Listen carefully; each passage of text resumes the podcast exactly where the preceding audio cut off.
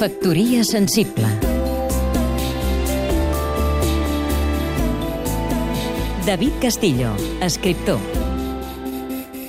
I pulled into Nazareth, was feeling about half past dead. Vivim en una època de reedicions, sembla que el que és original no interessa tant, i periòdicament en el territori dels discos apareixen reedicions, com en aquest cas una molt interessant del grup canadenc The Band, que es titula Live at the Academy of Music. És un doble en el qual es recuperen alguns dels temes més emblemàtics d'aquesta banda que va actuar des de mitjans dels anys 60 fins a la seva dissolució a l'any 1976 amb un concert dirigit en una pel·lícula per Martin Scorsese que es deia The Last Waltz, l'últim vals.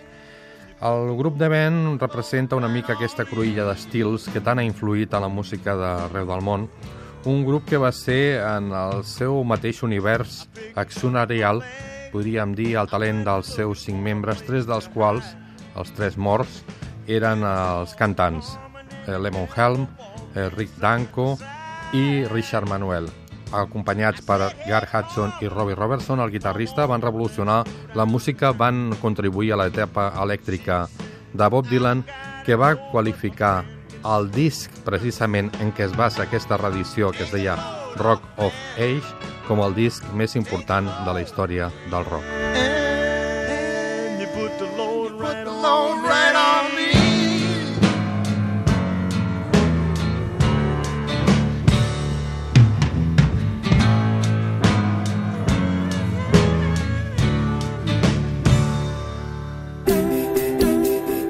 Factoria sensible.